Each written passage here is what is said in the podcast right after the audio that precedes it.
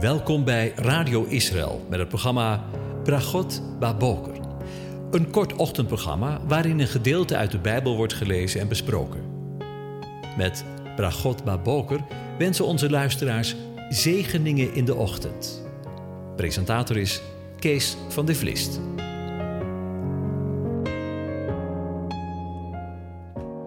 Goedemorgen, Bokatov, beste luisteraars. Vanmorgen gaan we weer verder met Psalm 95 en ik lees de eerste zeven versen aan je voor. Kom, laten we vrolijk zingen voor de Heere. Laten we juichen voor de rot van ons heil. Laten we zijn aangezicht tegemoet gaan met lof. Laten we voor hem juichen met psalmen. Want de Heere is een groot God, ja, een groot koning, boven alle goden. In zijn hand zijn de diepste plaatsen van de aarde, en de toppen van de bergen zijn van hem. Van hem is ook de zee, want hij heeft haar gemaakt. Zijn handen hebben het droge gevormd. Kom, laten we ons neerbuigen en neerbukken. Laten we knielen voor de Heere die ons gemaakt heeft. Want hij is onze God, en wij zijn het volk van zijn weide en de schapen van zijn hand. Tot zover over knielen gesproken. Tja, de voorgaande keer kwamen we onder indruk van Gods schepping en van de dingen die in de diepste plaatsen van de aarde zijn, van de bergen, van de zee en van zijn totale schepping. En we barsten uit in een lofzang. We kwamen diep onder de indruk.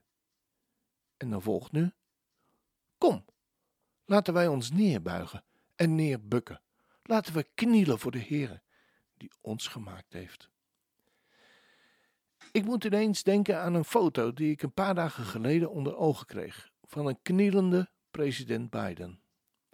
Biden knielde voor de assistent van president Rivlin, Rivka, Rivka Ravits, uit respect voor het feit dat ze twaalf kinderen ter wereld gebracht heeft. Blijkbaar was dit gebaar van de president van Amerika wereldnieuws. En ik wil niet zuur doen, maar wat zou het toch geweldig zijn wanneer we uit de mond van beiden zouden horen: Kom, laten we ons neerbuigen en neerbukken. Kom, laten we knielen voor de Heer die ons gemaakt heeft. Dat is nog eens echt wereldnieuws.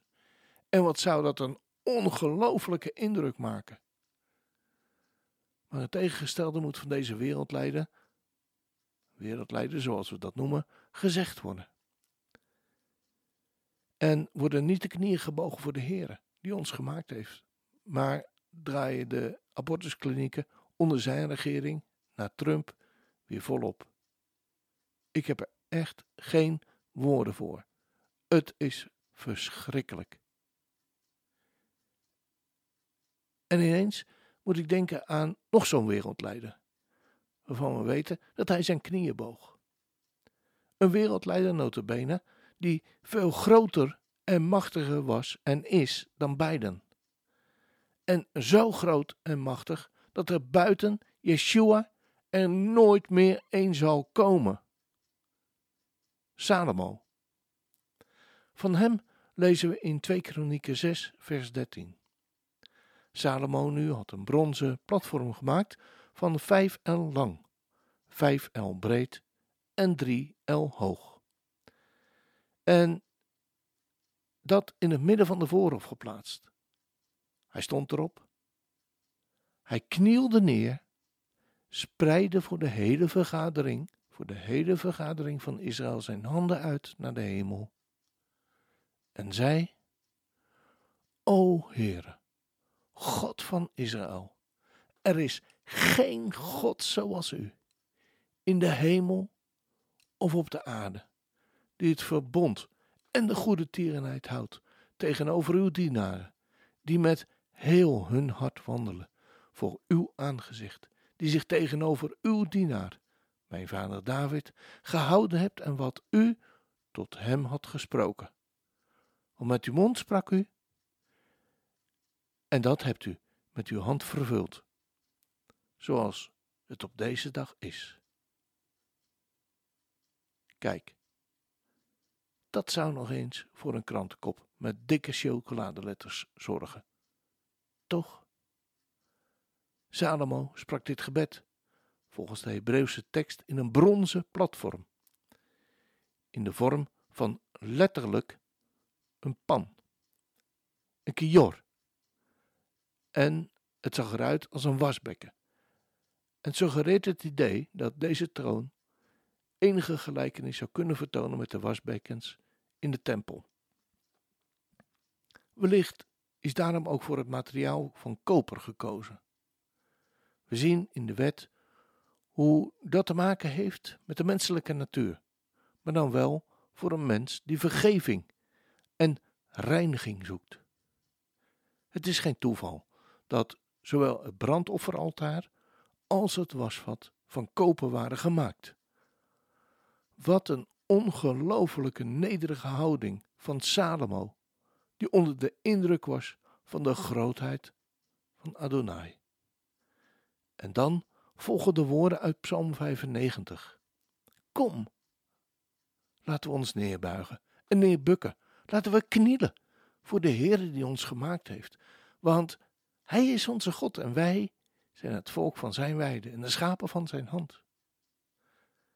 Het woordje want is een redengevend woordje. Het geeft de reden aan waarom het volk van Zijn weide, de schapen van Zijn hand,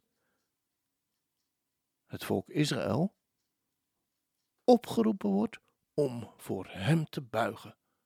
Want Hij is hun God, het volk van Zijn weide, schapen van Zijn hand.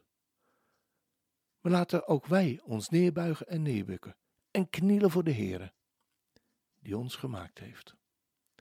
Als dat geen zegen is. We gaan luisteren naar het lied Loof de Heere, mijn ziel.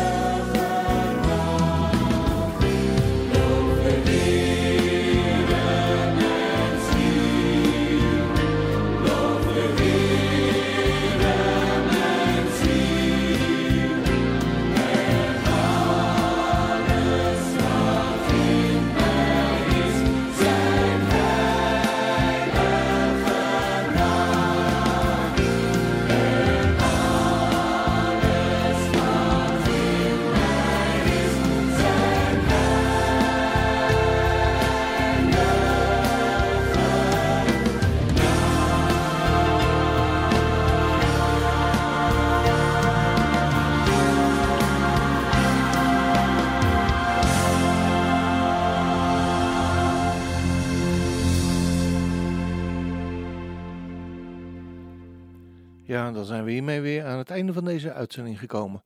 En wens ik u God zegen toe. De Heer zegene en hij behoede je. De Heer doet zijn aangezicht over je lichten. En zij je genadig. De Heer verheft zijn aangezicht over je. En geeft je ook vandaag zijn vrede, zijn shalom. Amen.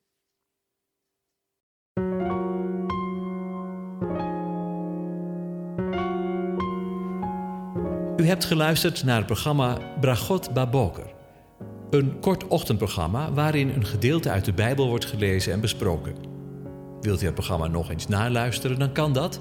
Ga naar radioisrael.nl en klik onder het kopje radio op Uitzending gemist.